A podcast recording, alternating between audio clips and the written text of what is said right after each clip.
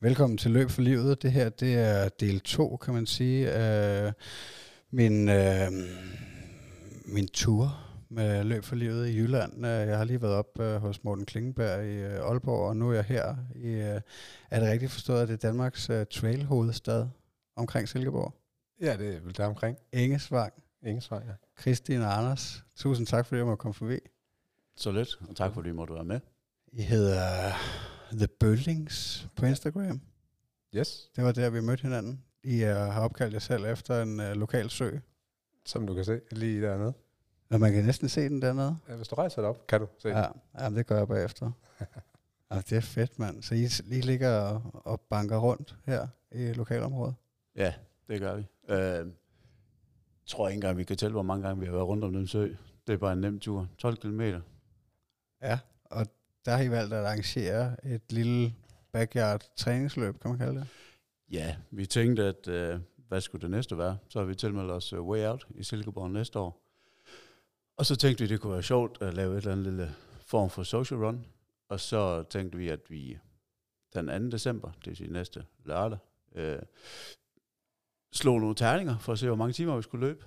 Og øh, det ramte så på 9, så vi løber i 9 timer. Starter klokken øh, øh, 10 om formiddagen. Alle, der har lyst til at deltage, de kommer. Og hvis man først kommer kl. 12, så kommer man kl. 12. Og så løber man øh, sammen med os og hygger, og vi sørger for, at der er noget bål, og vi sørger for, at ruten er mærket op. Så ja, Åh, oh, fedt, mand. Er det noget om Bøllingsø? Nej, det er ude i enden, det er ude i enden af søen, hvor, øh, hvor det må være den, ja, den nordlige, den nord, nord, ah, nu skal jeg ved at hænge mig selv, så nordvestlige del af søen må det Ah, være. okay. Ja. Var det svært at, at få øh, mærket en øh, 6,7 km rute af? øh, nej, jeg har, jeg er nok nørden af os to, øh, så jeg bruger sådan en hjemmeside, der hedder All Trails, øh, til at lave ruter på, øh, når vi skal ud på nye områder. Øhm, og så kan jeg sidde og tegne den frem og tilbage, og så kunne jeg ramme lige præcis 6,7. Nå, cool. Og der er slet ikke, der er så ikke noget trafik derude eller noget at gå ud fra? Nej, det er op gennem en skov. Er det okay? Ja, det, det skal jo helst være. Det slår mig også mest, som om de der backyard, de, øh, de holder sig for vej. Også øh, hvis der skulle være nogen, der fortsætter i, i et par dage og bliver lidt rundt så, så er det meget godt, der ikke er noget trafik i nærheden. Præcis. Men I skal løbe øh, way out til, øh, til marts. Hvad er ambitionerne der? Det er at løbe ind til man ikke kan nå tiden med. Ja. Det er, det er i hvert fald mit mål. Jeg har øh, ikke planer om, jeg tror, jeg tror, hvis jeg sætter mig for et døgn eller for 15 timer, eller så tror jeg ikke, jeg kan gennemføre mere end det mål, jeg har sat mig. Så for mig der er det indtil jeg ikke kan komme rundt Ja, okay, så du vil, tidsgrænsen. altså, du vil simpelthen holde dig fra at sætte et kilometermål, for ikke at hænge fast i det? Ja. ja. Hvad med dig? Ja, jeg tror, det er nogenlunde det samme. Ja. Jeg skal bare se, hvor langt jeg kan komme. Hvor meget jeg kan presse mig selv.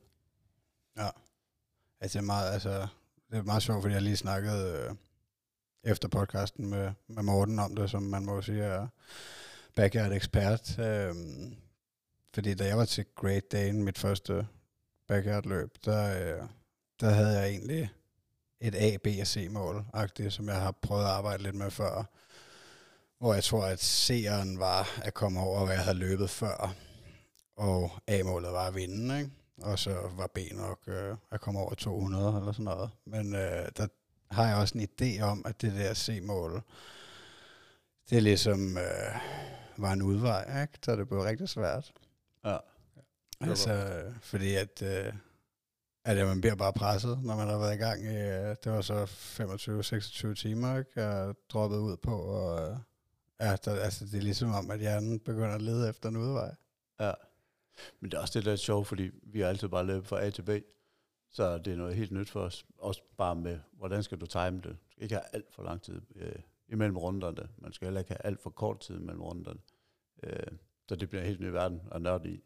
Jeg har slet ikke løbet rundeløb før. Aldrig. Nej. Hvad er I løbet før?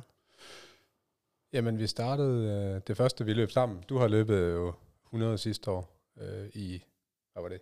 Ja, det Det var var Aarhus, september ikke? sidste år. Ja, Aarhus Silkeborg. Men det første vi løb sammen, det var, øh, hvad hedder den i Silkeborg? Øh, Jules Jules. Ultra. Ja.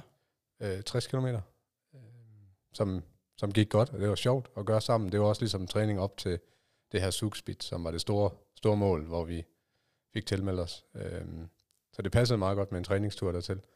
Øhm, og så, ja, så løb vi jo Zugspitz, øhm, hvor vi så desværre DNF'ede. Øhm, og så har vi løbet øh, Ja, så tog vi out igen. Ja.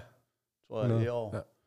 Og så har vi bare lavet nogle mindre løb. Øh, var vi oppe i Thy og løbet sådan et etabeløb lørdag og søndag. Og så nu bliver det way out. Og satser vi på, at her 1. december sidder vi klar ved tasteren, så vi kan tilmelde os scanner på 48 timer. Ja, fedt, mand. Og I kaster jer simpelthen også ud i 48 timer der. Ja. Ja, fornuftigt. Ja, vi skal et eller andet til tiden at gå med. Ja, det synes jeg fandme var vildt, da jeg, jeg sad nede i Thailand der. Øh, ja, omkring øh, tæt på nu sidste år. Og, øh, og, og var lidt småfuld og, og lidt øh, ja, smålån på at finde noget nyt ultra, ikke? Og så så jeg øh, en, jeg følger, der hedder Bjarne øh, Leje Andersen. Han tilmeldte sig som den første til det der Skanderborg Ultras. Det, det sker der også. Altså. Men det virker, altså jeg synes ikke, det virker åndssvagt, at, øh, at løbe rundt i 48 timer på en 1 km bane. Uh, jo, og jeg tror, at det bliver sat med hårdt. Men det er det, jeg tænker. Man kunne jo også bare tage den 12 timer eller 24 timer. Men igen, så kan man også bare lige all in og tage alle timer. Ja, det er fandme stærkt. Og ja, det er netop det. Det tror jeg, det bliver ikke... Ja, det kan vi så spørge dig om. Men jeg kan kun forestille mig, det hårdeste, det er det psykisk mentale i det, at du skal løbe en runde på 1 km i 48 timer. Ja. Og det der med, at når du så ikke kan gå eller løbe, så i stedet for at gå ud og sætte det, så går man, fordi hver meter tæller. Ja. Ja, altså jeg kom ind og, og ligge øh, meget mere, end jeg havde regnet med. Øh, planen var jo slet ikke at, at sove, og egentlig heller ikke komme ned og ligge i det hele taget, mm, medmindre der var rigtig brug for det. Øh, så jeg havde jo taget teltet med, ikke? og ligge under lag og alt det her, men, øh, men det synes jeg også, at der blev, altså på grund af vejret, fordi at det var så, det var så vådt og blæsende og koldt, og øh, ja, to sæt regntøj, der var færdige på første aften, ikke? Øh, Så ja. altså, alternativet var at gå ud i, i almindeligt tøj, og så blive gennemblødt igen, og blive kold igen, så ja, tænkte jeg, jeg går i posen Ja. for at få varme og tørre, og så, øh, så kunne jeg så heldigvis få tørret noget regntøj til, til næste dag der. Altså, men, øh, men jo, kanon oplevelse. Jeg er sgu også glad for, at jeg, altså, fordi at se i bagklogskabens lys, kunne det måske have været i hvert fald nemmere, og måske også en sjovere oplevelse på nogle måder, at hoppe på 24 timer øh, første gang, men altså, jeg er egentlig glad for, at, øh, at jeg har fået den over tuden, og Ja. også kunne, øh, altså, formået at, at blive der, indtil det var slut. Det, det synes jeg. Ja, og det er det. det. Ja, det bliver en speciel oplevelse. Men Ja. ja. igen, også der får man også lov til at nørde med ja, øh, energioptagelse og mad, hvad skal man spise, og du ved, det er også en, en del af det for Ja. os. Ja, men der virker det også, altså rundeløbet virker jo spændende på den måde, at, at det er meget nemmere at, øh, at sørge for at få noget ind og tage sig af sig selv, og man kan tage 10 par sko med, ikke? Og, mm. altså, hvor de der A til B løb, der kan det godt være lidt mere udfordrende at tage sig af sig selv derude. Ja. Hvor langt skulle det der ned i Tyskland? Hvad var det, du kaldte det? Jamen, det var Zugspitz. Det var den længste. 111. Øh, med 111, ja. fem- 5.000 højdemeter. Uh. Ja.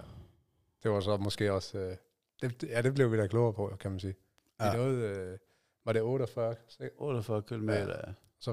Der fik... Øh, det var egentlig en begivenhedsrig tur. Vi startede kl. 10 om aftenen, øh, så man skulle løbe der hele natten. Øh, og den første del af ruten, det er der, du kommer op på det højeste punkt, og, og kommer til at løbe i lige omkring frostvær op i, op i højderne. Og jeg blev ramt af, hvad mit bedste bud var noget højdesyge, selvom jeg egentlig ikke var højt, højt op, men i forhold til her, mm. er man jo højt op. Øhm, og så kommer man, så har man lidt det der, hvor man er, man er rimelig presset på det. Øh, hovedpine og svimmel og sådan noget. Og så øh, på vej nedad, der bliver, der bliver Kristen så presset på, på hans knæ. Øhm, og og det, var, det var ligesom vores første store projekt sammen, så det var sådan lidt, det her det, det er noget, vi gør sammen. Så Kristen ventede, ventede på mig, da vi skulle opad, hvor jeg blev sløj. Øh, og jeg ventede på Kristen, da vi skulle nedad. Øh, og så der, da vi kom til det depot, øh, hvor, øh, hvor dit knæ, det sagde fra, og du snakkede med lægen og fik at vide, det, det er nok ikke for, forsvarligt at fortsætte. Der blev det, sgu, øh, det blev sgu nemt for mig at sætte mig med ind i bilen og tage med. Nu gjorde vi det her sammen, så vi udgik også sammen. Og det, det er jeg selvfølgelig ærgerlig over nu, men, men det var det rigtige på det tidspunkt, da jeg stod der og var presset, at man ikke sovede. Og, så, men øh, men, det, det er jo en god læring, kan man sige. Altså dagen efter, der kunne du egentlig godt have tænkt dig at blive derude. Ja. Ja.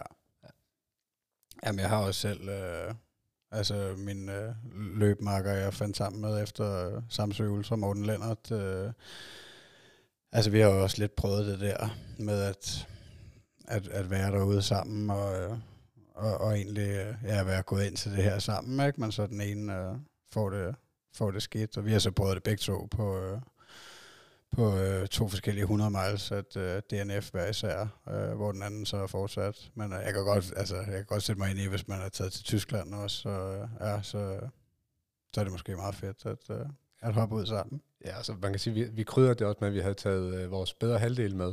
Så Ja. de lå på sådan et øh, spa-hotel. Nå. Øh, ja, ja. Og så, øh, så da det ligesom blev aktuelt, så kunne man jo vælge mellem at pine sig selv i x antal timer endnu, ja. Eller man kunne tage med hjem og få morgenmad faktisk, fordi klokken var jo ikke mere, end at det passer med morgenmad sammen med dem. Øh, og så nyde spagen og så hygge os. Så det, blev, det blev lige den, øh, den nemme udvej. Men det var, også, var det din første 100 km? Ja, jeg har kun løbet de der 60 Nej, okay. øh, ved julesø. Ja. ja. det virker jo også som lidt, øh, lidt sindssygt første 100. Det var det nok, men det var også, øh, det var en, nu sagde du det før vi startede, men det var også lidt i en brænder, at det blev til en, en rigtig god idé for os. Ja. Hvad fanden, øh, altså, hvor, hvorfor lige var, ja, var det bare en, en, en god idé, en brænder, eller havde I nogen speciel drøm om at komme ned og løbe i bjergene? Jeg tror, ja, jeg havde, jeg havde jo som sagt løbet 100 sidste år, og manglede så en lille kompagnon til, til min idé om at komme ned til Sugspidse, for jeg tror, jeg har set det på YouTube eller noget lignende.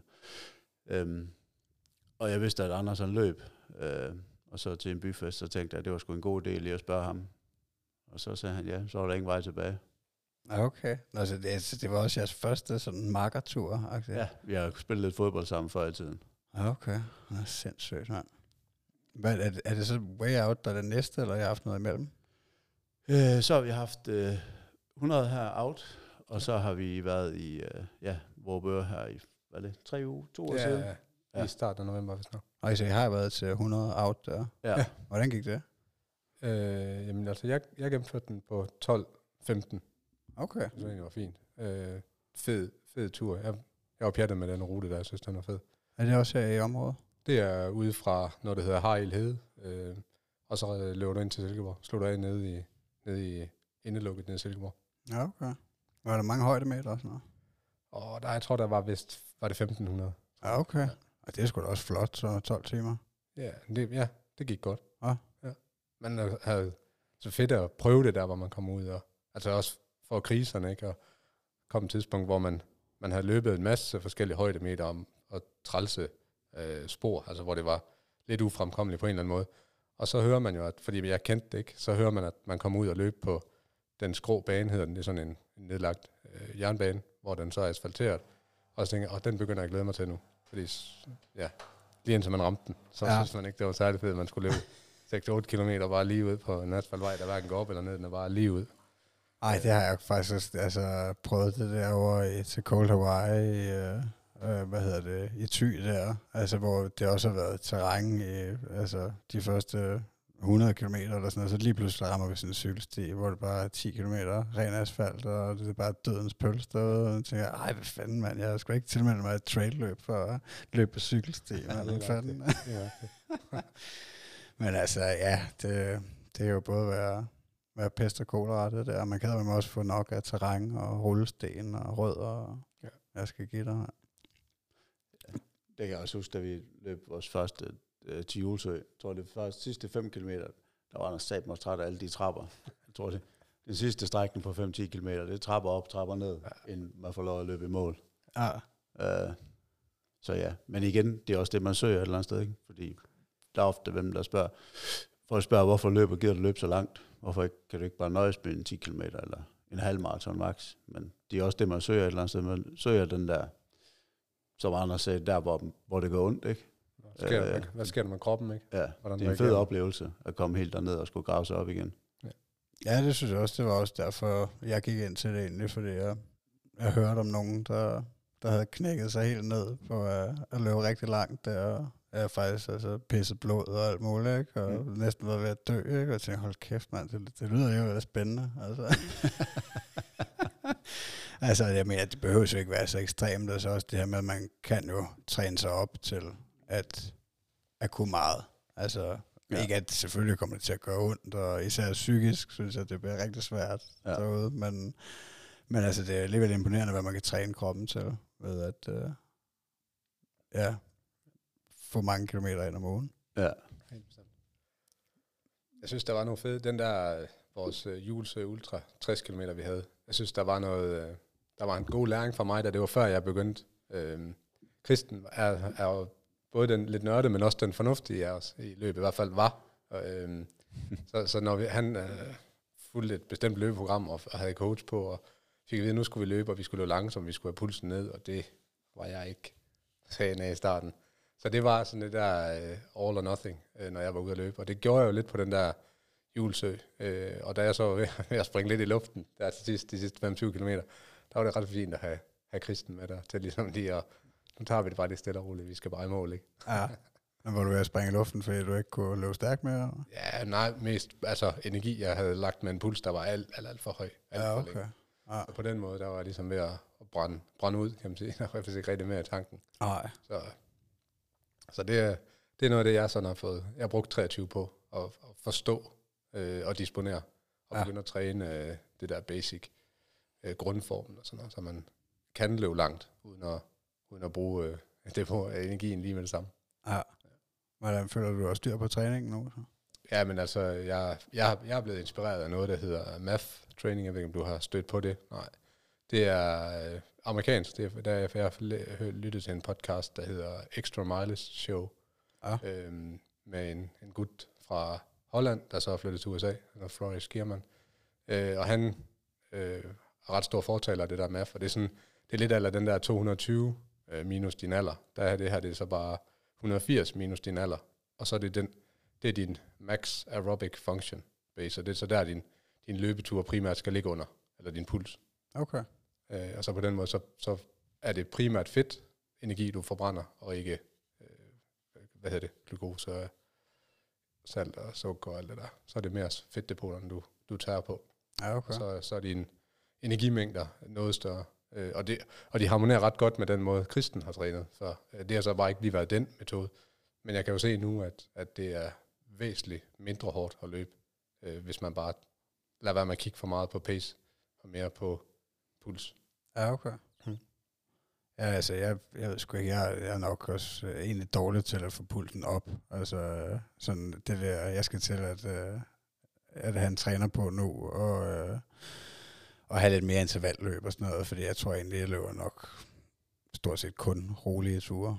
Øh, altså, ja, både fordi, at jeg synes, altså, jeg føler mig udsat, øh, når jeg skal op og, og markes ud. Altså, jeg føler mig udsat for at blive skadet, og så ja, jeg føler jo ikke, at det, når jeg har altså, sigtet efter de her rigtig lange løb, så, så hvad fanden skal jeg bruge det til at løbe stærkt der. Men, øh, men jeg føler så til gengæld også, at jeg er blevet langsommere. Altså det sidste, Ja, her i 23, der, der, der tror jeg, jeg er blevet langsommere, end jeg var i 22. Okay. Og måske også tabt lidt af formen. Altså, jeg ved ikke, om det hænger sammen med, at jeg drikker for mange bajer og bare spiser, hvad jeg har lyst til. Men, øh. Hvordan har I det med det? Kost og alkohol? Jamen, jeg tror, vi gik ind i, i år med nul alkohol. Jeg tror, vi holdt os til... Ej, jeg startede, du kom hurtigt efter, hvor det var 0,0 procent øh, fra 1. januar til Sukspits. Okay. Øh, det var svært i starten med familiesammenkomster, og du ved, ah, skal du ikke lige, du ved. Og der, for mig er det bare nemmere at enten eller, og sådan er det i mange aspekter for mig. Men i stedet for at sige, okay, jeg kan godt lige tage 1-0 til den her fødselsdag, men så er det bare, hvorfor kan jeg så ikke til den næste fødselsdag? Så det var bare 0,0, og så ja, stadigvæk spiser godt. Det er nemmere at skære alkoholen fra, end at skære slækket fra. Ja. Jamen, jeg, synes, jeg synes faktisk omvendt, at, at i løbet af i år, fordi at at øh, man, kan, man bliver mere bevidst om, når man kommer ud og skal presse sig selv øh, ud på de lange distancer, så bliver man meget mere bevidst om, at, at det du putter ind i dit, ind i dit ansigt, det har, øh, det har altså en konsekvens, når du er ude på de længere ture. Så jeg synes, øh, for mig er det blevet nemmere at sige fra på nogle af de ting, som jeg have svært ved, og altid har haft svært ved.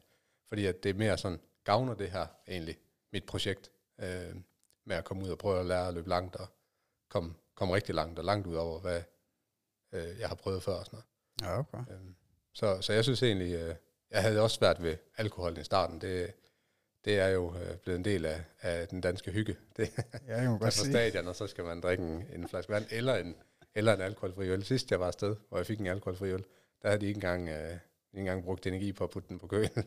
der er ikke nogen, der gider købe de der alkoholfri øl. Altså, det var sådan en fodboldkamp, eller? Ja, det, jeg var jo afsted ind og se fodbold her for noget tid siden. Og så, øh, så gik jeg ned og købte mig en alkoholfri øl, og den kom bare direkte fra, det ved jeg ikke, et varmeskab føles som, da jeg fik den. Ah, ja, okay.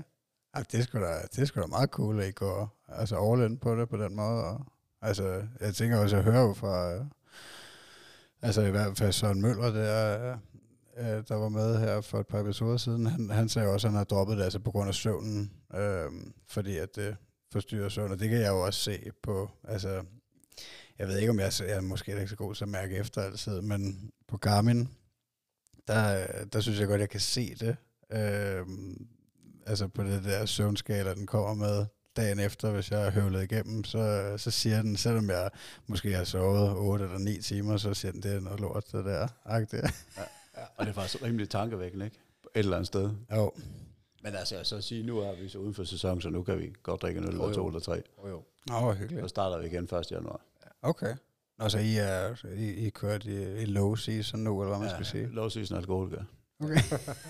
Ja, Ja. ja, men det er sådan stadigvæk, fordi jeg synes, der, det er sgu svært at holde, øh, holde øh, momentum og motivation og sådan noget her hen over low season. Så det bliver sådan nogle af de der, eksempelvis det der projekt i næste weekend, for ligesom at, at finde noget og, og gejle sig selv op til.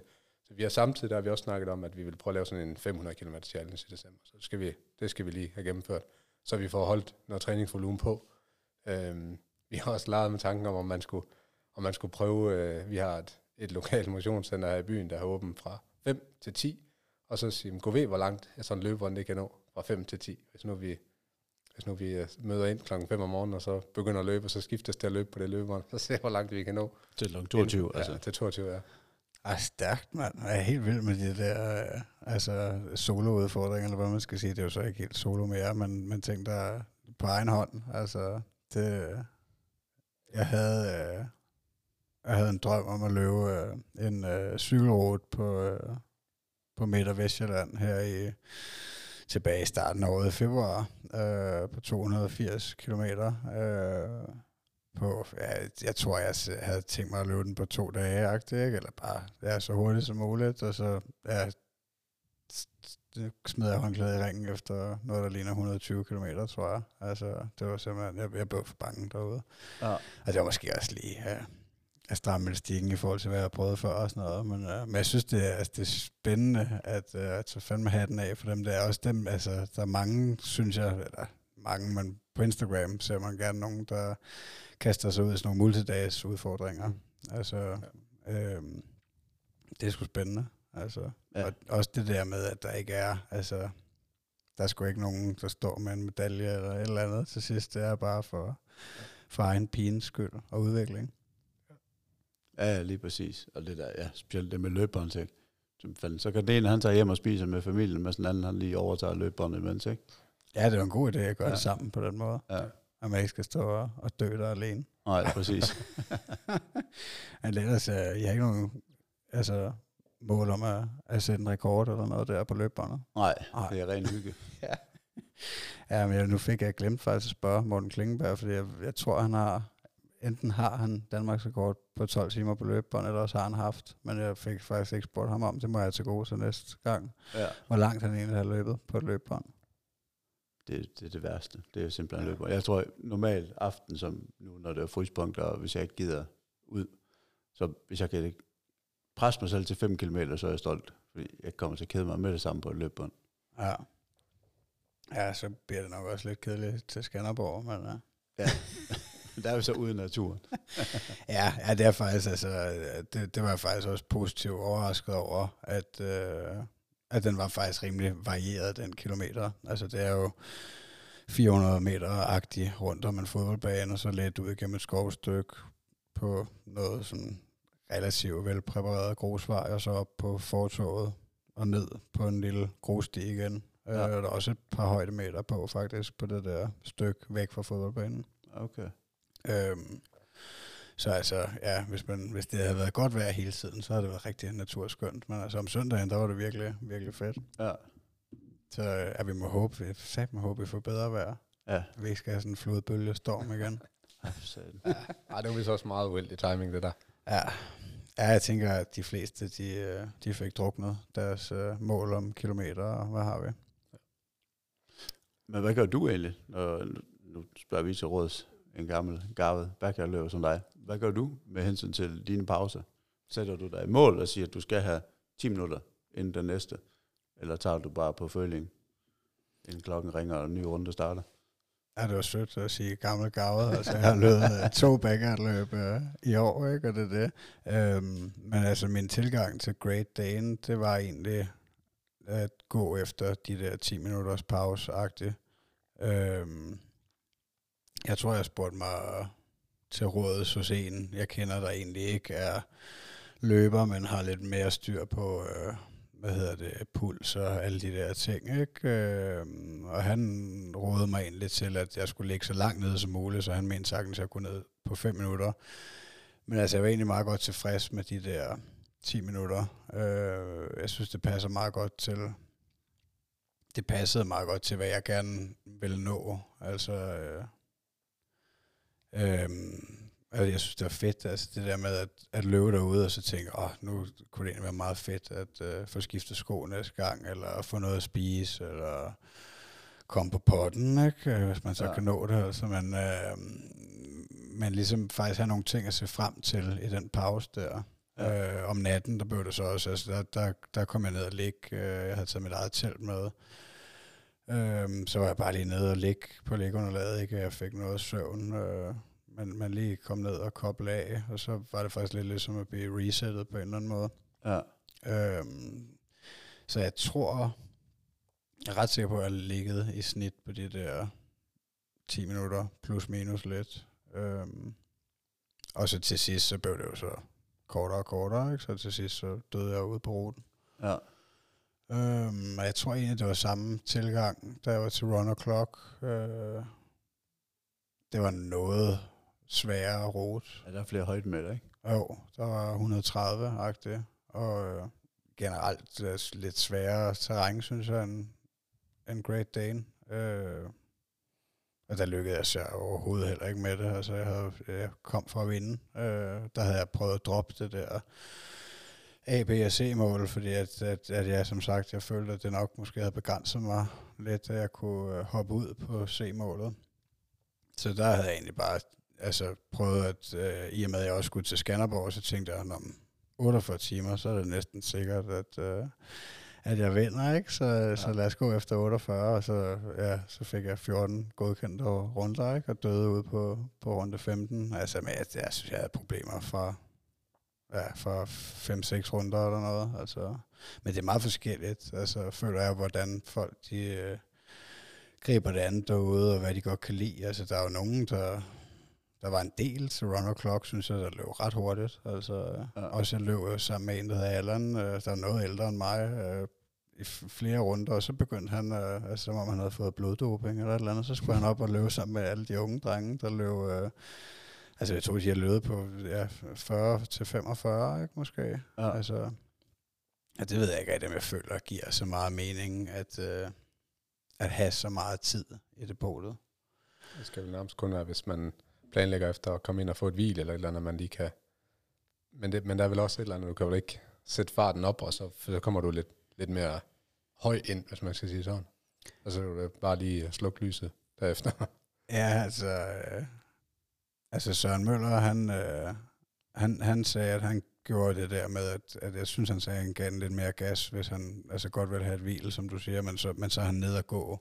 ja, til allersidst. Ja, for at få pulsen ned, inden han kommer ind der. Men jeg tror, at det, ja, det jeg tvivler på, det, det, det, det må være de færreste, der kan lykkes med det der, med at powernap rigtigt. Altså, øh, jeg har jo heller ikke altså, prøvet det, men det, ja, jeg tænker også, man skal måske ud over den første nat, altså, fordi jeg har jo kun prøvet den første nat i et backyard. Øhm, og der føler jeg egentlig ikke, at, at jeg nødvendigvis havde behov for at sove. Jeg tror, det, var egentlig bare, at, at altså, det var rart lige at slappe af, om man sidder ned eller ligger ned. Det, øh, men jeg tror, at de der 10 minutter, altså det, det må være det, de fleste de sigter efter. Ja. Jeg tror så faktisk til Way der, der var det 120-140 højdemeter per runde, tror jeg.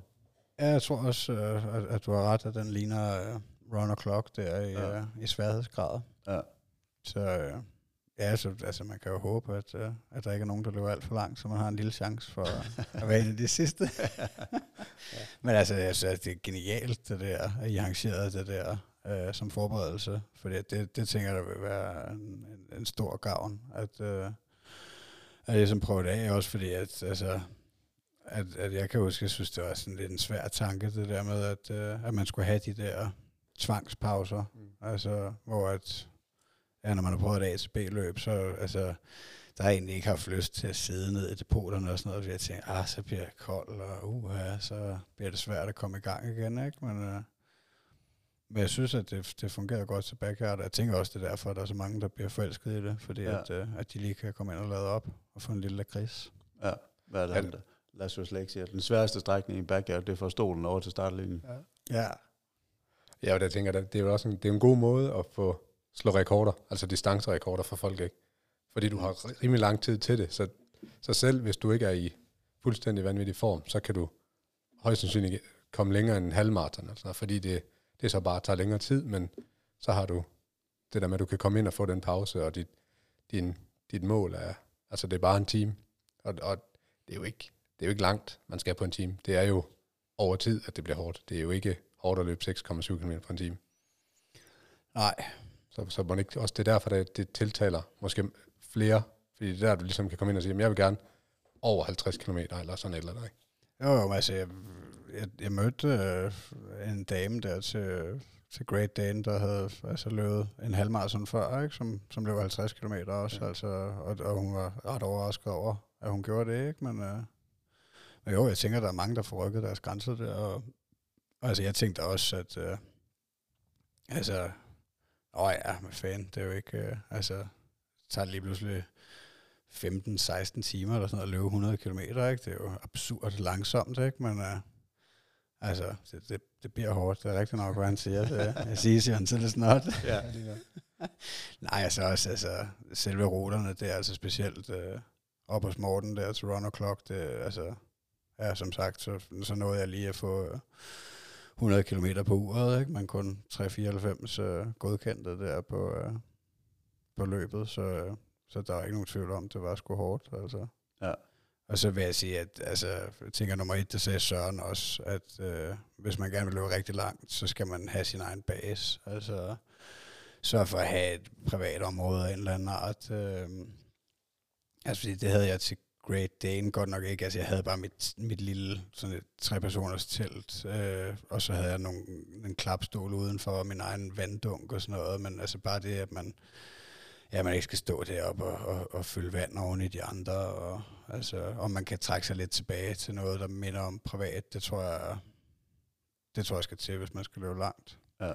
Hvad med alle dine projekter? Er det, øh, er det øh, alene, eller har du, har du noget familie noget med? Altså da du løb øh, Great Dane for eksempel, var du derovre alene? Ja, der var jeg derovre alene. Øh, jeg har haft min kone med, øh, ja, sådan halvt vil jeg sige, ikke? fordi at, øh, at vi har en dreng på fire år, øh, som hun jo også skal passe, når jeg er ude og, og på mine eventyr. Så, øh, så de var med. De var med til Run Clock, øh, og de var også med til Skanderborg. Men altså, øh, ikke, øh, ikke at sætte nogen finger på, på hende eller dem øh, i forhold til øh, mangel på support, men, men, altså, men, men det er jo ikke ret meget. Altså, de, de kom lige med noget mad øh, et par gange og, og gav et øh, klap på skulderen, ikke? Øh, hvor jeg kan se, at nogle af dem, altså nogle af dem, der nåede længst til Skanderborg, de havde jo deres kvinde, der fysisk hele tiden næsten, ikke? og så løb de bare ind i, i teltet og smækker benene op og siger, skift med en sko, ikke?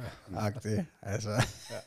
så det tror jeg, der er er nummer et. Altså hvis, hvis man har nogen, der gider og har lyst, og, så, så tror jeg, det er fedt, at, uh, Altså, jeg prøvede egentlig også til Great Dane, tror jeg.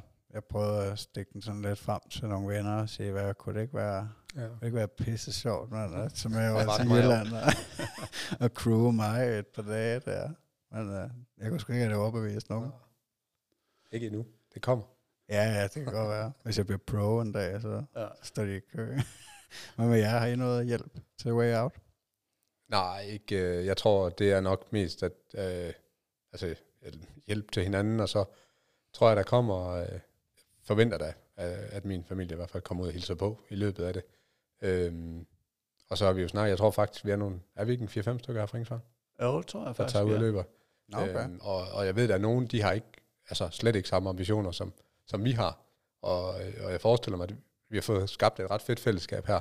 Så da vi løb, øh, hvad hedder den, øh, Julesø Ultra, der havde vi øh, en familie herude, altså der er nogle af dem fra løbeklubben, der, der kom med ud og stod og hæppede på os ved nogle af depoterne og sådan noget. Så, så der er en ret god opbakning. Øh, så jeg kunne godt forestille mig, at der var nogen der, der når de måske er færdige eller eller andet, at bliver i, i campen, eller hvad vi nu finder på at gøre, øh, i hvert fald noget tid. Nå- Nok ikke nødvendigvis, til vi alle sammen er færdige, men, men der kan være noget moralsk støtte og sådan noget. Ja. ja, det tror jeg så også er guld værd. Det synes jeg også, altså generelt til de løb, jeg har været til, at altså moralsk øh, opbakning fra fremmede mennesker, det har faktisk været kanon. Altså total over forventning. Øh, altså, og det var, altså, det var faktisk sådan, jeg mødte øh, Morten Klingenberg der. Det var til Great Dane, hvor ham og hans øh, kæreste var der som frivillige tror jeg. Og, øh, altså, og bare det, at der er nogen om natten, altså det det var jo der, det begyndte at være rigtig svært, ikke? og der var mange, der var faldet fra. Bare der er nogen, altså, der bare altså, spørger om, har du brug for et eller andet, eller giver et skulderklap, og det ser fedt ud, agtigt, så øh, altså, det giver bare så meget. Altså, så jeg ved ikke, altså, om jeg nødvendigvis vil øh, synes, at det var et must, at jeg havde en til at, øh, at skifte mine sokker. Men, øh, men jeg tænker, at det der, hvis man, ja, hvis man begynder at, at løbe multidags, så er det nok, det er nok guld værd at have en, hvis man kan få en. Ja. Altså, men ja, der er vi jo så også heldige, at de, øh, at, at de bor her, Ja. ja. i, tæt på mange løb. Ja, ja men lige præcis. Øh, der er vi sgu ret heldige. Der er de gode i Silkeborg omegn. Øh, der er både ja, Julesø, og så er der Silkeborg Orienteringsklub, der arrangerer løb, og der er faktisk bare et stor, øh, hvad skal man sige, trail øh, community her i nærheden. Øh, så det er rimelig fedt. Jeg glæder mig til, øh, til Kronborg, der blev afløst jo, hvor øh, Way Out jo har erstattet det. Det var meningen, at, øh, at vi skulle have løbet det i Helsingør. Ja, Ja, okay. Kronborg, Kronborg Backyard Ultra. Jeg ved ikke, hvorfor det blev afløst, men... Øh, men der, øh, jeg ved ikke, om Way Out er en direkte erstatning for det, men det har i hvert fald fået den silver ticket der. Ja, Øhm, det havde jeg ellers glædet mig til, at, øh, at prøve at løbe et... Øh, ej, det passer. Jeg har løbet et løb på Sjælland, øh, Roskilde Fjord rundt. Men ellers så har jeg faktisk været i Jylland og så på Samsø. ja okay. Fra Fyn, ikke? Haft det. Øh, Sydfyn. ja, undskyld. Ja, Sydfynsk Ultra, ja. Sammen Ja. med Morten Lennart, ikke? Jo, Ja. jo, jo der udgik han. Ja. Ja, han fik, øh, han fik øh, problemer med varmen og begyndte at kaste op der efter ja, 60-70 kilometer. Men er det ikke det der værhøj trail, eller det, eller det hedder? Det er også, er Ja, det ikke også undskyld. 100 km. Det har jeg også løbet, jo. Det var har også løbet også? Nå, Ja. Jeg har bare set det på Facebook og sådan noget. Jamen, der er DNF'et, ja. Det er nok derfor, jeg glemt det. Det var min første rigtige øh, DNF ud over backyard. Øhm, jo, det er faktisk altså sindssygt fedt løb. Det er jo øh, 20 miles, 32 kilometer øh, med 700 højdemeter-agtigt. Øh, meget, meget lidt asfalt. Øh, meget varieret terræn, øh, hvor vi skulle løbe fem omgange. Øh, og Morten gennemførte. Øh, jeg stoppede på ja, sådan lidt over halvvejs på runde 4, ikke? Øh, Mm. Det var også det, det var også det der, det startede også kl. 12 om aftenen. Så øh, altså, ja, det, det var sgu specielt, at, øh, at starte det. Altså, jeg husker, vi sad på en campingplads, ikke? Og, og drak, øh, drak kaffe kl. 10 om aftenen, ikke? Og så, nå, nu har vi, nu har man snart været vågen et, et helt døgn, og så skal vi så ud og løbe 100 miles, ikke? Ja. Men det var god træning til Skanderborg i forhold til at være vågen så længe, fordi jeg nåede alligevel, selvom jeg DNF'ede, så nåede jeg jo at- være vågen i næsten to dage. Ja. Altså, så, så jo, det kan jeg godt anbefale, hvis I skal til Sjælland en gang. Så man kan jo også løbe en eller to runder. Man behøver ikke uh, gå efter 100 miles. Nej, der har vi, jeg gad godt på et eller andet tidspunkt løbe et 100 miles, men der er et her, det der Mors 100 miles, som skulle være super fedt løb. Øh, men det er så kun asfalt, hvad jeg lige ved af. Så det kommer jeg aldrig til, for asfalt det er ikke mig. Er du asfaltmodstander? Ja, Ja. Jamen, det kan jeg godt øh, sætte mig lidt ind i. Altså, jeg skal jo så, jeg prøvet en del mere asfalt i Thailand nu, øh, på min 7 gange 50 km, jeg forhåbentlig lykkes med, men øh, jeg kan godt føle, altså, det er sgu, det er sgu sjovere at løbe ude i skoven og på strand, og, og hvad har vi? ja, Og så altså, jeg føler, at det er hårdt for, for knæ og lemmer at løbe på, på vejen. ja, præcis. Men altså, men ja, Mors, det må være, jeg ved ikke om, ej, nu er Backyard måske overgået det i popularitet, men ellers så er det jo også sådan et løb, der bliver solgt på et par dage, tror jeg. Ja, Agtigt. Men jeg synes også, at Mette Klitmøller, jeg havde med i podcasten, hun sagde 26 timer cut-off-agtigt på 100 miles. Ja det, Skal det også gå godt? Det skal ikke være øh, alt for mange svingærner. Ej, altså, den må være rimelig, jeg tænker også, den må være rimelig flad og, og ikke så svært terræn, hvis man skal lykkes med det. Altså, hvis jeg løb 100 miles til Cold Hawaii på 24,5 timer eller noget, altså, og det var fandme, det var fandme presset, synes jeg. Og der var der også nogen, der lå derude til næsten til kort over, for jeg kan ikke huske, om det er 30 eller 32 timer, men uh, der er også en del strand, der er det ikke det? Til Cold Hawaii. jo, og jeg formoder faktisk, at far vild øh, på et helt lige strandstykke øh, til sidst, øh, hvor at, øh, de skriver bare, så står der bare skilt øh, 7 km lige ud på stranden, det der vil være tydelig mærkning, når vi skal op, og så, øh, så ved jeg ikke, så altså, kom jeg forbi et eller andet sted, hvor der var en, sådan en eller anden orange bøje eller et eller andet, hvor jeg tænkte, at det der, det, vi skal op her, og så to kilometer ind i landet eller noget, for så tænkte jeg, nej, vi skal nok prøve bare at tage tilbage til stranden, så fortsætte. Men det er jo noget af det, der gør det fedt. De lange, synes jeg. Fordi det er jo der, hvor man kommer ud over, hvor man ikke... Altså, det bliver halv irrationelt noget af det, man har gang i, ikke? Altså, Jo. man, man overser, og man, man er bare ikke skarp på samme måde. Det er, jo, det er en del af det der, det fede ved at komme ud på de helt lange distancer.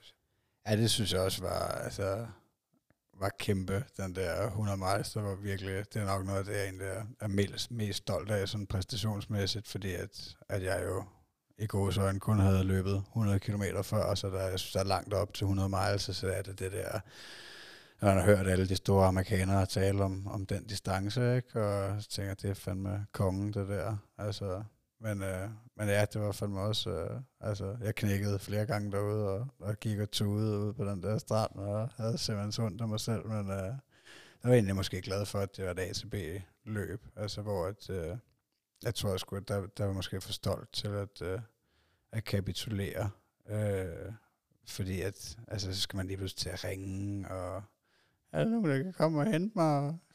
Ja. Altså, hvor at det er på Værhøj, hvor at, at det var de der 32 kilometer, der, øh, der havde jeg ligesom en mulighed på runde 4 der, hvor, at, øh, hvor vi egentlig skal op i skoven igen øh, fra en asfaltvej. Øh, og hvor jeg så tænker, jeg havde egentlig altså besluttet mig for at udgå, men jeg skulle bare ind i, i det der måldepot, ikke? Øh, og så er vi der på den der vej, så når jeg gud, mand, hvis jeg, hvis jeg fortsætter en kilometer nedad, så er jeg jo i mål. Jeg behøver så ikke tage op i den der skov der, så der har jeg Morten. Kan du have det godt? Så bliver det nemt lige pludselig. Ja.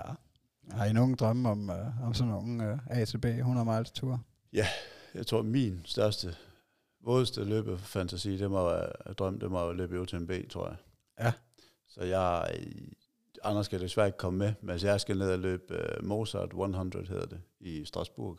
Uh, nej, Salzburg er det, 1. juni næste år, uh, som er arrangeret af UTMB, um, hvor jeg skal løbe 81 km med 4.600 højdemeter, tror jeg. Um, og ved at gennemføre det, får man så tre uh, running stones, som de kalder det, tre lodsedler, uh, som man kan så smide i hatten til, UTMB, til at deltage i UTMB nede i Chamonix på et eller andet tidspunkt. Okay. Så det er min drøm, tror jeg, at få lov at løbe det.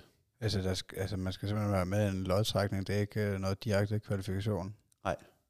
Jo, elite-løbere selvfølgelig, Ja. øh, men øh, alle os øh, menige mænd, vi skal samle, øh, ja, de kalder det øh, Running Stones. Øh, du kan få det i Kullermanden her i Sverige, som lige har været for eksempel. Der får du også, alt efter hvor, mange, øh, hvor lang distance du får, så så mange lodceller får du. Øh, og så, er, så gælder de livet ud, indtil du vælger at bruge den. Og når, de så, når du bliver trukket op af hatten, så udgår du, eller udgår dine lodceller så. Ja, Okay. Ej, spændende. Det er jo et kæmpe løb, det der. Ja. UTMB, er det, er det sådan noget, altså det er flere tusind deltagere, ikke? Jo, jeg tror, der, er- det, det er vel det, de kalder verdens største øh, løb. Ja, Tour de France for ultraløb. Ja, Ja. præcis. Ja. Og hvad med dig? Drømmer du om det, Anders? Ja, det gør jeg da, men jeg, men jeg tror faktisk, jeg er mere til de der... Øh, jeg kan godt lide det der, hvor det virkelig øh, psykisk skal være hårdt. Altså for eksempel backyard, eller rundt på en... Altså, hvor man virkelig skal grave dybt op i sig selv, om at det er en god idé at fortsætte, og ikke bare dreje til venstre, eller dreje til højre, eller eller andet, for så at tage hjem. Det Ja. synes jeg, det tiltaler bare på en eller anden måde. Der er noget med det psykologiske spil der. Ja. Øh, så sådan noget... Altså, jeg kunne, jeg kunne sagtens finde på, fordi når Christen så er afsted, så når han skal starte, så kunne jeg godt finde på at sige, fint, så skal jeg bare løbe rundt om Bøllingsø i det mindst lige så lang tid, som han gør. Eller sådan, bare for, så, så løber vi på samme tid. Ja. Og så er det bare med distance, men, men for at, altså, det, det synes jeg er sjovt. Jeg synes, det er skægt at presse mig selv øh, mentalt med det. Ja.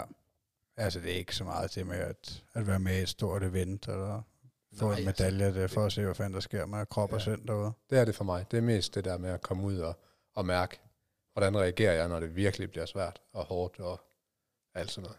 Ja. Når man bliver irrationel og sådan noget. Altså, Ja. det, jeg synes jo, det er sjovt, at man, man øh, på daglig plan så tænker, nu står i morgen tidlig står jeg op, så løber jeg søen rundt, og så bliver det om morgenen, og så skal man søen rundt, og så vælger man alligevel at løbe rundt her i byen, fordi man er bange for, fordi det er mørkt, eller eller andet ude på den anden side af søen, og så, det synes jeg sgu, det, det skal ikke så, så er det til gengæld ekstra fedt, når man så får gjort det, og man ikke bliver spist af den der ulv, eller hvad det nu Ja. er, man er bange for, ikke?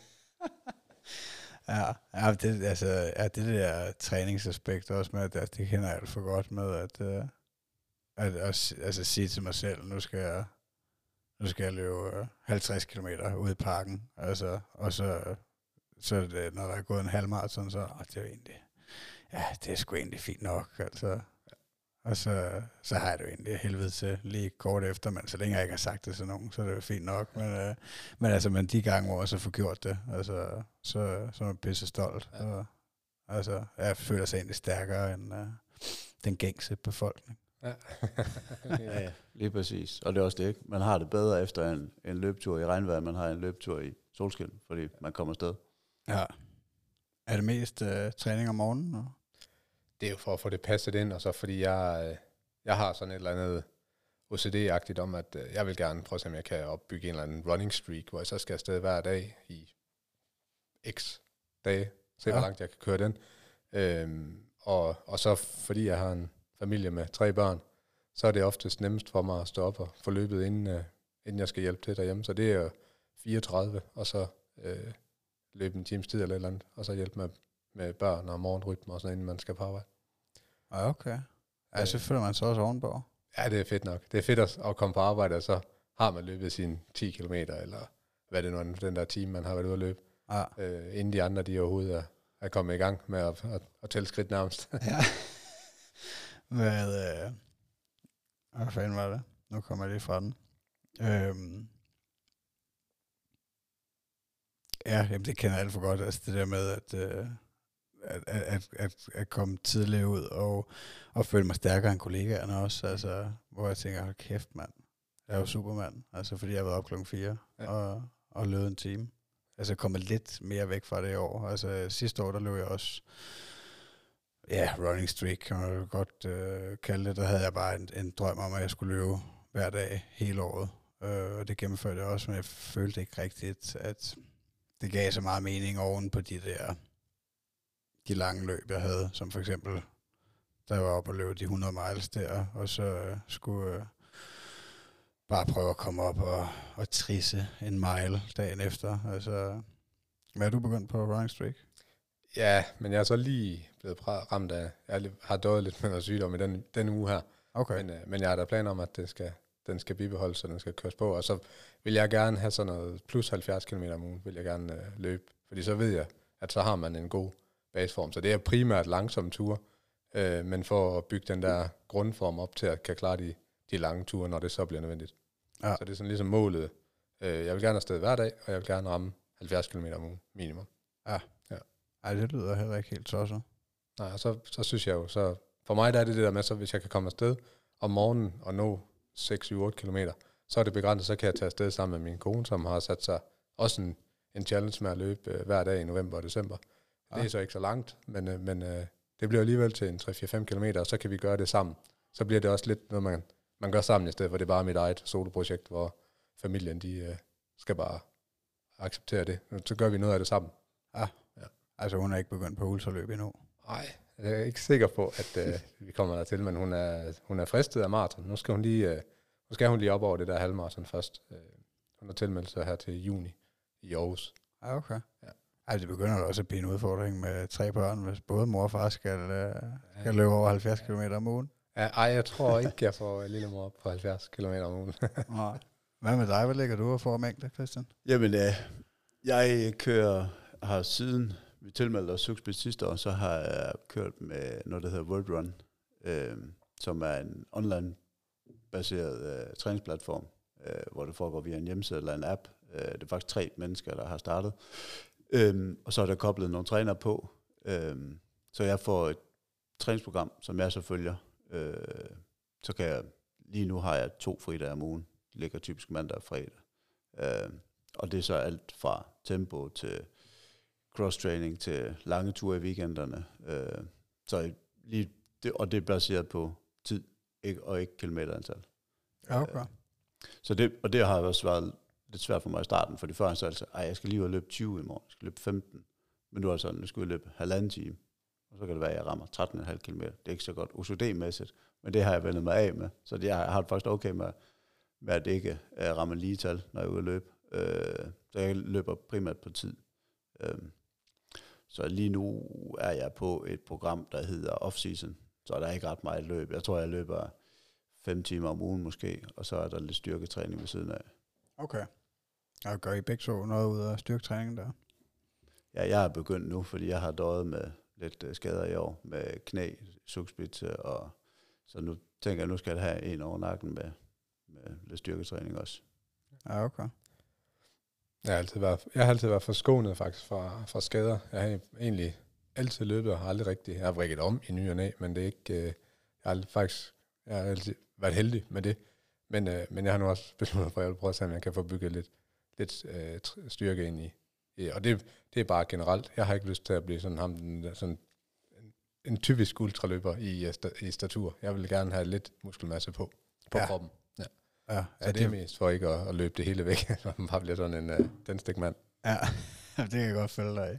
Altså, det er faktisk også primært derfor, at jeg er styrketræner. Jeg har ikke, altså nok ikke været sindssygt god til at, uh, at, at få trænet ben, som jo egentlig ja, vil være det mest vigtige med hensyn til løb. Men, uh, men jeg tænker også, at jeg vil også meget nødig altså, ligne den der tændstiksmand, den typiske ultraløber. Jeg ved så ikke, om det betyder, at man aldrig kan blive, uh, blive en del af eliten, men uh, det må vi se. Ja, det er rigtigt. Jamen, jeg, jeg, ja, nu fokuserer jeg på ben, og så lidt lænd, og sådan, ja. Ja. Og så selvom vi, hvad skal man sige, vi træner så forskelligt, øh, så får vi alligevel i weekender, typisk lørdag eller søndag, så får vi de lange ture sammen. Og det, det er også om morgenen, hvor vi så kommer afsted inden familien for øjne. Hvad er en lang tur der? Åh, det kan variere alt fra halvanden til tre til fire timer. Alt efter hvad, hvad jeg, nu er det så off så nu løber jeg så ikke fire timers lang tur, men ja, derimellem. Ja, nu var det så ikke længe, før I skal have en, uh, en 9 timers. Nej, det er det. Ja. Jeg Altså, det bliver lige omkring uh, 60 km. Ja. Jeg havde planer om, at jeg ville have løbet langt i- her til morgen, men, men der gik lige øh, dagligdags praktik og familie i det, og så, øh, så det bliver til en, en tur nu her, når vi er færdige. Sammen, og vi tager afsted sammen. Vi skal lige ud og løbe ruten til næste weekend. Lige Ja. ud og finde ud af, hvor meget skal vi have den mærket op, så ikke vi ender med, at folk de fortsætter ned ad stranden. Nå ja, der I tager selvfølgelig ud og sætter flag op og lortet. ja, det bliver nok mest bare lige noget mark- markeringsbånd, vi binder op i nogle grene. Ja. Og så, men skal lige og finde ud af, hvor meget der er nødvendigt. Der er mange steder, hvor det ligesom giver sig selv. Øhm, men øh, men der, kan, der er selvfølgelig nogle steder, hvor vi lige skal være sikre på, at vi ikke får sendt nogen helt øh, væk Ja. fra ruten. Ja. Ja. Og vi har ikke taget noget uh, deltagergebyr eller noget. Nej. Det er bare et... Uh, Det er helt low cost. Det er også øh, selv, selvforplejende. Altså, så man tager selv øh, energi og det, man har brug for med til pauserne der. ja. Øh, og så som sagt, så større vi for et, for et bål, og vi sørger for at få mærket, mærket ruten op. Og så, øh, så er det det. Øh, og så har vi fået, øh, vores bedre halvdel har sagt, at hvis der kommer mere end 10, så vil de bage noget kage. Og det tror jeg, vi rammer. Ja, Så det okay. kan godt være, at der kommer noget kage på et eller andet tidspunkt. Hvad med toiletter og sådan noget? Kan folk komme på potten, eller er det ude i skoven? Øh, der er toiletter der, derude, hvor vi øh, sætter Okay. okay. mål og bruger op. Ja. Ah, fedt, mand. Ja, det er sgu meget cool, at I bare begære ud af det. Altså, jeg tænker, at I bliver- kommer til at stå knivskarpt til, uh, til way out. Det satser vi på. Det håber vi. Ja. ja, der kommer nok også andre, uh, mange andre dygtige løbere. Men jo flere dygtige der er, jo, flere, jo længere kommer vi ud jo. Fordi ja. Så kan man jo bruge hinanden til at, at tage den ekstra time på. Ja. Forestiller jeg mig i hvert fald. ja det synes jeg fandme også er spændende med backyard, altså at, at det udvikler sig sådan, altså jeg tænker, hvad fanden, uh, hvis det ender en dag, hvad fanden ender det så med, altså, Ja. når man ser, at de lige har løbet ja, 108 timer over i Amerika. Ja. Jeg hørte så også fra øh, Morten Klingberg, at, uh, at, at de tager lidt smertestillende, amerikanerne der. De er ikke så blege for at, uh, at putte lidt ind, når det går ondt. Nej. Og det tror jeg faktisk er, altså nu er jeg jo igen meget, meget ny i, øh, i ultraløbsverdenen, men det virker som om, det er meget no-go i Danmark. Altså at, øh, og jeg tænker også sådan ren, altså fornuftmæssigt, så, så virker det dumt at, øh, at dope kroppen, så man ikke kan mærke, at det går ondt, når man, øh, når man ligger og banker rundt derude. Ja, det er nok rigtigt nok. Jeg har så ikke prøvet det. Og jeg, jeg tror, vi havde pandil, pandil med til sugspids, tror jeg. Ja, Okay. Det skulle være træt, men uh, ikke noget, man fik behov for. Nej. Ej, du prøvede ikke at, øh, at få knæet til at stoppe med at gå ondt med, Nej, med Nå, jeg prøvede med alt muligt smørelse og forskellige andet. Uh, jeg tror faktisk, jeg tog pandil. Det skal ikke noget. To to pandil, tror jeg, og så noget Voltaren gel og noget på. Og så løb vi lidt videre hen til det næste depot, hvor vi fik snakket med en læge, uh, som så sagde, at vi skulle stoppe, eller jeg skulle stoppe. Uh, så jo, det fik jeg et forsøg. Og så er det, man tænker bagefter, kunne man så alligevel have fortsat, ikke? Ja.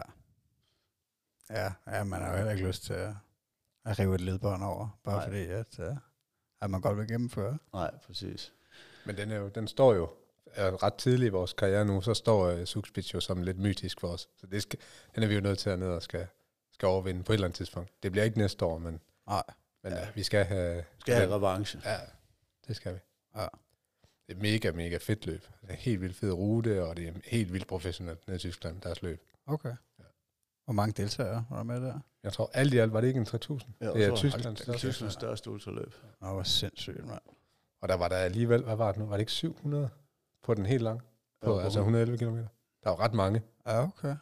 ja, det er fandme noget andet, end, uh, end det, jeg har prøvet i hvert fald. Altså, det er de der backyard-løb, det er jo nok de største events, men uh, altså ellers, øh, ja, Samsø Ultra og, og Cold Hawaii, det er jo sådan noget, hvor man står, jeg ved ikke, 20-30 løber, ikke? Øh, og, øh, og det der Sydfynsk Ultra hos Paul der, der spurgte ham også, altså er det... Er det, er det ikke tæt på at være grænsen, altså til at du ikke engang kan få det til at løbe rundt, fordi jeg tror, vi var 12 eller sådan noget. Altså, men han var, han var meget godt tilfreds, og nej, nej, bussen, vi blev kørt fra målområdet til startområdet, sådan en minibus, og nej, den var dækket, og depoterne og det der, så... Oh, det er sgu vildt. Ja, altså, fordi jeg tænker, kæft mand, det er lige før, man ikke gider. Altså, hvis der kun er 12, der dukker op, men uh, Ja. nej, det var åbenbart fint nok. Ja. Ja. 3.000, mand, det skal sat med noget af det event. ja. Hvad Ja, koster var det så? også- Var det Fint, det. 11-1200 kroner, Ja. tror jeg. Ja, okay, det er lidt, lidt dyrere. Og Ja. får så også mange højdemeter for det. Ja, lige præcis. du får en pæn udsigt for de penge. Ja, det må man nok sige. Det kan godt nok tage nogle vilde billeder. Ja. Ja. Altså, det der natløb der, hvor man, hvor man jo stadig var rimelig samlet, fordi vi startede så sent, så sent på dagen, når man kom op i bjergene, og man kunne se den der slange af pandelamper, det, det er, det er sgu, øh, det var fedt.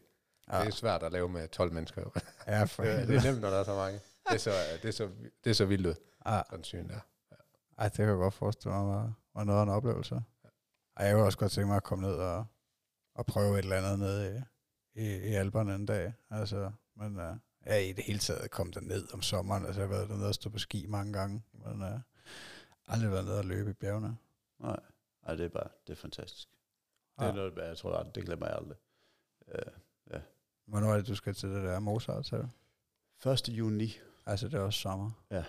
Ja, og det bliver så spændende. Jeg er, som sagt, uh, fra færgen, så er jeg ikke super god til varme. Så jeg er lidt spændt på at skulle løbe de der 30-35 graders varme, om hvad det nu kan blive. Ja. Jamen, du taler da flot dansk. Du er da ikke kommet her i går. Nej, nej, min far er dansker, men jeg, er opvokset deroppe de første 24 år af mit liv. Ja, okay. Men det, og det der lige nu, der havde jeg løb, der boede op. Nu vil jeg elske at, at løbe i bjergene op. Så det, der skal vi også op på et tidspunkt og løbe. Ja, der er også mange bakker. Ja. Eller har faktisk bjerge. også lige startet et backyard-løb i år, deroppe i bjergene. Okay. For første gang, som de prøver at se, om de kan få anerkendt til at få folk udefra til. Nå, hvor sejt, mand. Ja. Er der nok deltagere der så? Det tror jeg. Og så har de, så er der vist et engelsk firma, der hvert år holder en sådan tre dages, fire dages øh, øh, trail festival, øh, hvor de løber alt fra 10 km til 60 km, tror jeg. Og så, ja, og så tror jeg, at folk kommer, det er faktisk primært folk udefra, der kommer til derop for at løbe. Okay. Øh, så får man der festivalarmbånd og musik og underholdning og forelæsninger og sådan noget for med i billetten. Ah, cool, mand. Jeg tror, vi havde en dansker sidste år, der vandt 60 km, tror jeg, en, der hedder Søren Nassing. Okay. Han er også rimelig skarp. Ah. Ja, det, er- det tager hatten af for os. Det er noget af en udskrivning, at, uh, altså sådan økonomisk, at uh, tage til færøerne for at løbe et ultraløb. Ja. Det er jo næsten på niveau med at tage til Amerika. Ja. Ja. Ja, for det kunne jeg godt drømme om, de der, altså nogle af de der store løb derovre, også nogle af de der lange, altså at se det der Moab, Ja. 240 ikke? miles, altså det ved jeg godt nok, det virker lidt uoverskueligt lige nu, men, uh, men altså, men, men det er også, der er et eller andet romantisk ved at, at transportere sig til fods over sådan en lang trail distance, synes jeg, altså sådan, også i forhold til rundeløb, altså det er meget mere psykisk og Ja. mærkeligt på et eller andet niveau. Ja. Altså, Ja, ja. Og det, og det er også det, nu har vi bare for sjov leget os med tanken om, at næste år på en god, lang sommerdag at løbe fra øh, vest til, nej, fra øst til vest, det vil sige Jylland, det østligste og vestlige punkt, det vil sige fra Grenå og så ud til Vesterhavet. ja. Bare for sjov. Bare for sjov. Hvad skal den lyde på, den tur? Der var 187 km, Ja, tror jeg. ja. Hvis du Uh, tog helt ja. ud fra Grenaa. Ja. Vi, startede, vi startede med at snakke Aarhus, og så, jamen, hvad nu, hvis vi lige tog snuden med Ja. ud på Djursland? Så blev den til omkring 180. Altså, det overvejer I at gøre næste sommer?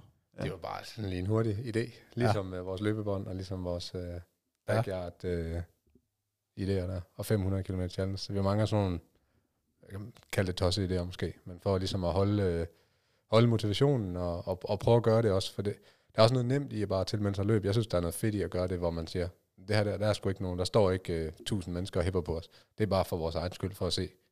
Ja, lige nøjagtigt. Vi har også snakket lidt, vi har lavet lidt med de der øh, FKT'er, altså fastest known time, altså hvor man kan gå ind og tilmelde sig en eller anden, en eller anden rute, hvor der jo heller ikke er nogen, hvor du så bare Ja, skal okay. løbe en eller anden distance. Ja, det kan man tilmelde sig. Så er du inde på nettet, så. Ja. ja, du går ind på, det er en amerikansk dreven hjemmeside, der hedder fkt.com, eller fastestnowntime.com. Ja. Og så er der faktisk, jeg er faktisk lidt overrasket over, at der er rimelig mange ruter i Danmark øh, inde på deres hjemmeside. Og der er faktisk en her i nærheden på 64 km, tror jeg, hvor den hurtigste tid er 7 timer og 15. Så skal du så kontakter man så dem ind på opretter en profil, der er gratis, og så kontakter du så hjemmesiden og siger, vi eller jeg vil løbe det her, jeg vil løbe det su- supported eller unsupported. Øh, så får du nogle kriterier, og så skal du kunne dokumentere det via billeder, GPX-fil fra dit ur og lignende, at du har gennemført det. Okay. Så sender du det ind til dem, så kommer det ind i, i deres rekordbog at stå Ja. til at være den hurtigste på den rute. Det er meget udbredt i USA for eksempel. Der er der rigtig mange, der løber det der FKT. Der, ja, det er meget sjovt. ja, hvor det, det opblomstrer nok meget under corona. Øh, Ja. og så er det bare hængt ved. Og så er det blevet større og større.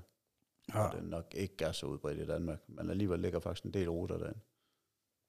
Hvad fanden havde I tænkt jer, hvis I skulle løbe det der fra øst til vest? Øh, hvis I lægge nogle depoter ud, eller I tænkt jer at løbe med hele lortet på ryggen? Eller? På ryggen, og så tænker jeg, så kommer man ind i en købmand, når man Ja. ja. løber tør. Ja, fordi jeg havde der med den der øh, våde drøm om istidsruten der øh, i februar, der, øh, der havde jeg egentlig planlagt, at øh, jeg havde faktisk pakket nogle depoter, og så ville øh, have nogle kammerater til at, øh, at køre dem ud der. Altså, fordi jeg lurede også på, en fan, øh, også fordi, at når det er vinter, øh, der er ikke så mange, der, altså, der er jo ikke nogen udendørshaner, der er åbne og sådan noget, så man lige kan tanke vand og og natten er alligevel lang i forhold til det med supermarkederne, er det ikke? Men, Ja. ja. Altså, der vil I bare i købmanden. Ja. Ja. Ja. Tænke vest på, så man kan holde den kørende i nogle timer, og så satse på, at man rammer et eller andet. Ja, ja spændende. Ja, Og der er nogle. McDonald's, der er åbent undervejs. Ja, Ja, der er døgnåben, hvis Ja. ja. vi kommer, så, når vi kommer til herren, kommer vi skulle lige. Ej, ja, det bliver, det bliver lidt sjovt at følge med i. Det er, jeg har total respekt for det der, altså solo challenge. Det er jeg meget, meget øh, spændt på, om jeg lykkes med mit i Thailand nu. Der er det jo også, altså, der forestiller mig også at bruge 7-Eleven som depot. De har rigtig mange 7-Eleven dernede. Ja. Øh, så jeg forestiller mig at løbe med, med min løbevest og have en måske halvanden liter vand med, ikke? og så kunne, øh, kunne tanke på halvvejen, ikke? Ja. og købe en lille chokoladebar eller en kop nudler. Ja, det bliver også spændende. Ja. 50 km om dagen, Ja, det er fedt. det er god varme lige nu. Ja. Det er vel noget med ikke lige at lægge det, når det er allervarmest. Det er, Hvad for vel, noget? det er vel noget med ikke lige at få dem lagt, når det er allervarmest. Det er vel Ja, ja, ja, at få startet tidligt om det om morgenen, eller tage det sent om aftenen, eller hvornår det er. Øh, ja, planen er at starte øh, klokken 6 om morgenen.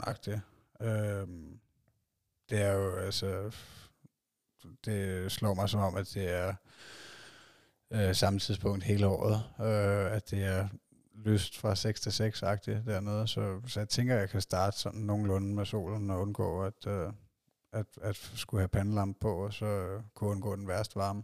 Og så også i forhold til, at, øh, at jeg jo egentlig er på ferie med min familie, så, øh, så kunne jeg måske lykkes med at, øh, at være forholdsvis øh, klar til at være sammen med dem efter frokost. Ja. Øhm, men altså, ja, lad os nu se, at øh, altså, jeg tænker, 6, 6 timer, det burde jo være sådan forholdsvis overkommeligt på en 50'er, men øh, med varmen og flere dage streg, og så, så kunne det nok nærmere godt blive syv. Ja, Altså, altså specielt de sidste par dage måske. ja.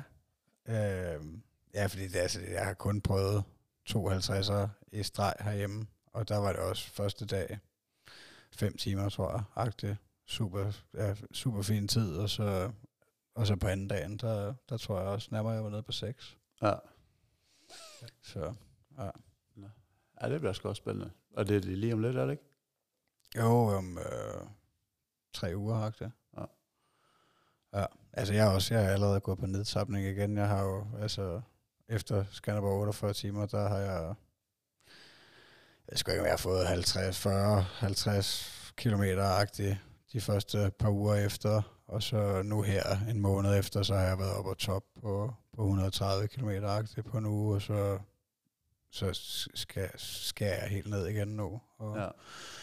og gå stille og roligt nedad, så jeg forhåbentlig kan være klar til, til 350 på en uge. Ej, det bliver fedt. Det er en god uge. Ja. Og I skulle have 500 i december. December er det Ja. ja. lidt planen. Ja. Og der kan man sige, at vi, vi starter jo, vi har givet os selv en god start med det der løb, den anden, Ja. hvor vi får klokket 60. Og så har vi jo snakket om det der med løbebåndet. Det Åh, kan ja. jo også godt give os en, en del kilometer, men altså, så en rundt, altså, så er det jo omkring 10 miles om dagen, vi skal, vi skal have klokket. Ja. Men, men, øh, men tanken var, vi snakkede, i starten snakkede vi om, eller jeg, jeg havde tænkt, om man skulle lige prøve at se, om man kunne tage en halvmarathon hver dag i december. Øh, men der er noget fleksibilitet i det der med at sige, at vi ser 500 på måneden, fordi så kan man have en dag, hvor det bare ikke passer, så når man 5 km, og så er der en dag, hvor man kan gøre noget mere. Ja. Så Ja, det kan godt være svært, at, øh, altså også i forhold til familien og samvittighedskontoen og de der ting, at, øh, at presse de helt lange løb ind øh, hele tiden. Ja. Der føler jeg også tit, at det egentlig er nemmere nogle gange at hugge den over i to. Ja. Så jeg er kun væk en time.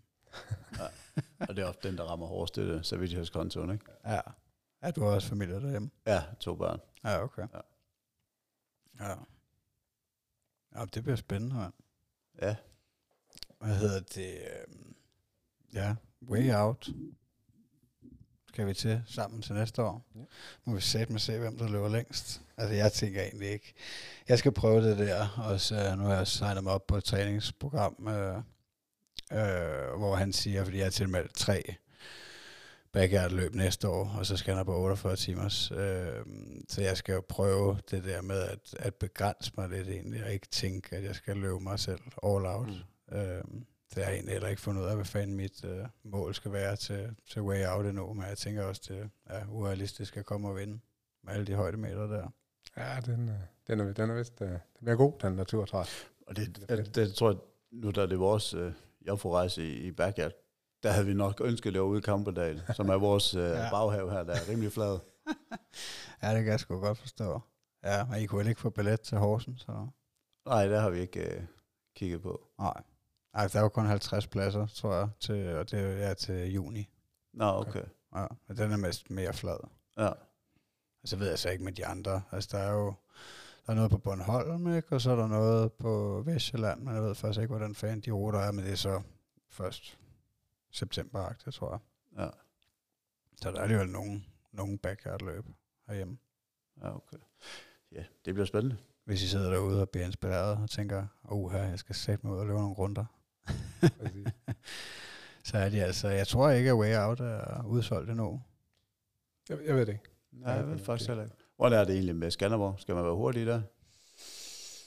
Det kunne jeg godt forestille mig, at det bliver, øh, det bliver jo jeg sat til salg her 1. december. Ja. Øhm, men jeg ved egentlig ikke, hvordan fanden de gør det. Jeg synes, de havde meldt ud, at, at dem, der var med i år, at de vil have første ret men jeg, jeg tvivler på, at det hele bliver sådan. Jeg tror bare, det er åben tilmelding. Ja. Øhm, altså, jeg kunne godt forestille mig, at det kommer til at gå forholdsvis hurtigt, men det er nok ikke. Altså, jeg vil også blive forbavset, hvis det bliver solgt på et døgn. Ja. Altså, fordi at det, altså, de var pissegode arrangørerne, alt credit til dem. Altså, men, men jeg synes, at altså for jeg købte, jeg var nok den anden, der signede mig op til, til 48 timers løbet, og, og, og, der gik lang tid, før der kom mange på. Altså, og det bør jo heller ikke, altså jeg tror ikke, det bliver udsolgt nu her, øh, men der kommer alligevel flere, end de havde regnet med. Ja. Så, så ej, der tænker jeg, der burde de kunne få en plads. ja, vi skal være... Heldigvis sidder vi begge to ved en computer til daglig, så vi skal nok være klar. Ja, ja det er det, som er at købe koncertbilletter. Ja. Ja. Jamen, jeg tænker, at øh, hvis I ikke har meget mere på hjertet, så kan vi godt øh, sådan stille og roligt til at runde af. ja, vi har lige en ting til dig egentlig. Ja. Altså en gave, eller hvad? ja, ja, ja. Nej, hvor spændende. Det er lidt i ånden af vores, øh, vores navn, The, The Bøllings, hvor Nej. vi har... Øh, er jo egentlig, synes jeg, jeg, jeg er jo faktisk mere pjattet med vores danske navn, hvor det bare er Bøllingerne. Det synes jeg er lidt hyggeligt på en eller anden måde. Ja. Men, øh, men det er ligesom øh, vores Nej. lokale bryghus. Ej, tusind øh, tak. De øh, tænker, så er det lidt øh, et minde fra, fra Bøllingernes bryghus. Ja, altså, jeg kan jo normalt ikke lide øl, men, øh, men, men lige i aften måske, der kan jeg måske godt øh, tage skyggesiden der, når jeg kommer hjem. En dark ale. Det er simpelthen øh, seks øl fra øh, Bøllingsø Bryghus. Så er det sgu ikke helt forgæves at komme til Jylland alligevel. Nej, og det er heldigvis off-season nu også. Tusind tak, mand. Det var øh, mega fedt. Så lidt. Det er jeg egentlig også lidt overrasket over, at, øh, at jeres lokale lille sø, den har sit eget bryghus. Ja. Altså, det giver jo også anledning til at, øh, at reklamere for, at øh, på øh, en af de andre podcasts, jeg er med i, Ritter og Hvid, der kommer jo en julekalender her øh, fra den første, en øh, øljulekalender, som der jo slet ikke andre, der har lavet før, men øh, hvor vi, øh, vi er fire voksne mænd, der, øh, der smager en øl øh, hver dag i december. Ja. Det kan da være, der er øh, nogle, et pausen der. Ja. Ja, ja, altså det, Det kan være, at jeg kan blive inspireret til nogen, øh, vi kan bruge næste år i hvert fald. Ja. Fedt. Ja, fedt, mand. Ja. Tusind tak for det. Øhm, ja, tak fordi jeg måtte komme forbi, og øh, folk kan følge jer på Instagram på øh, The Burlings. Yes. Ja, Det tak for det. Selv tak.